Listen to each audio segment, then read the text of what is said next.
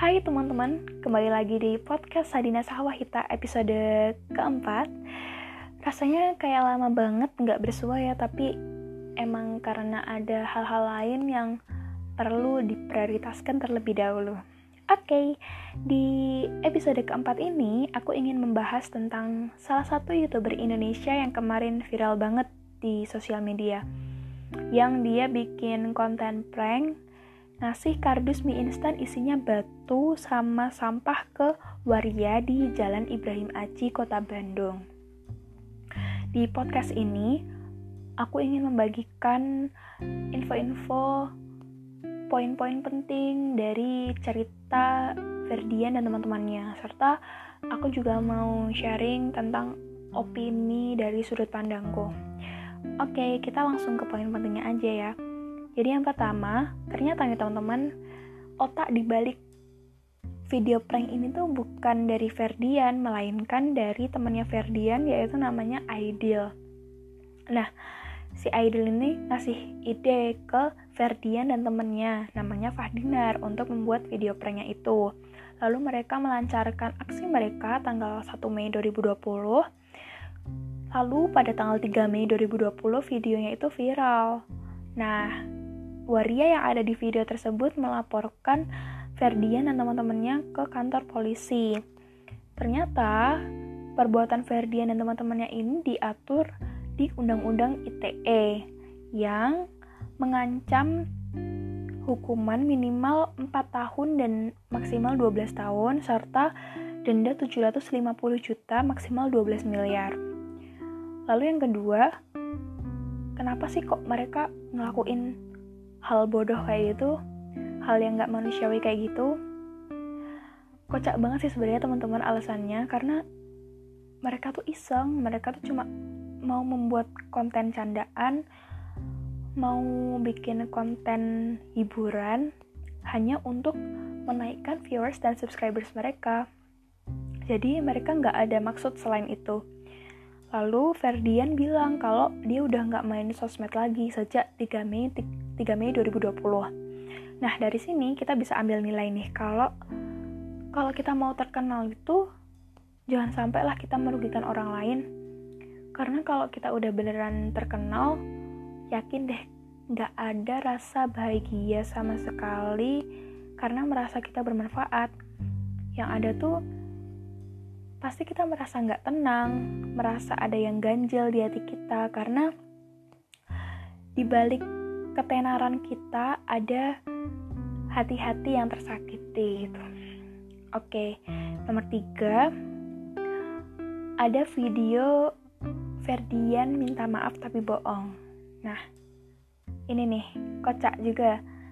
Dia bilang kalau itu sebenarnya hanya guyonan dan diunggah di sosial media pada tahun lalu ketika ada kasus sama salah satu selebgram.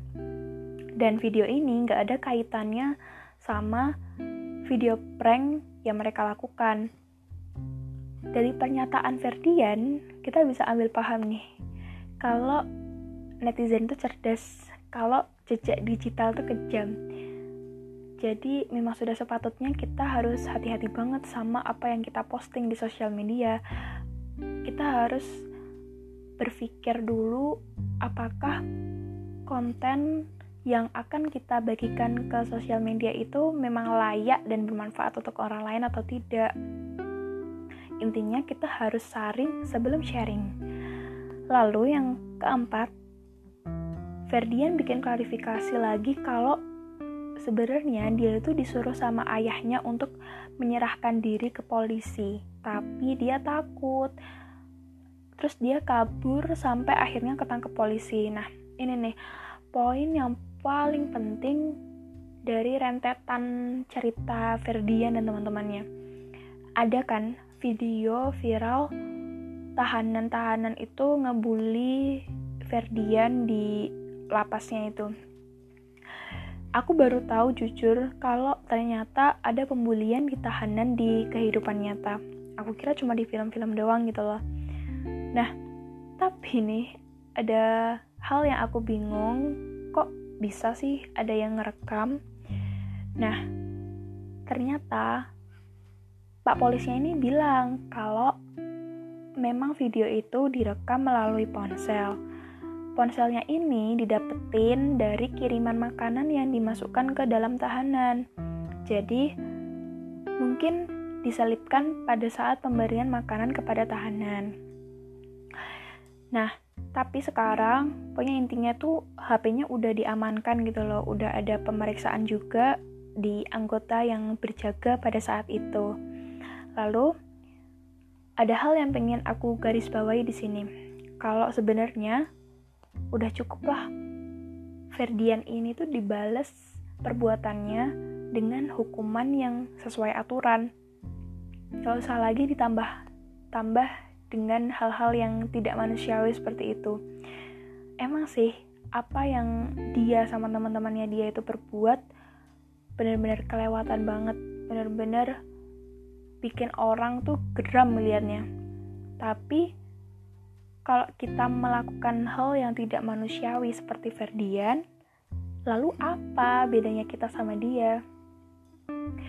Sebenarnya di cerita Ferdian itu kita belajar banyak banget, terutama pentingnya untuk mengontrol diri dalam melakukan candaan ke orang lain, dalam melakukan guyonan kepada orang lain.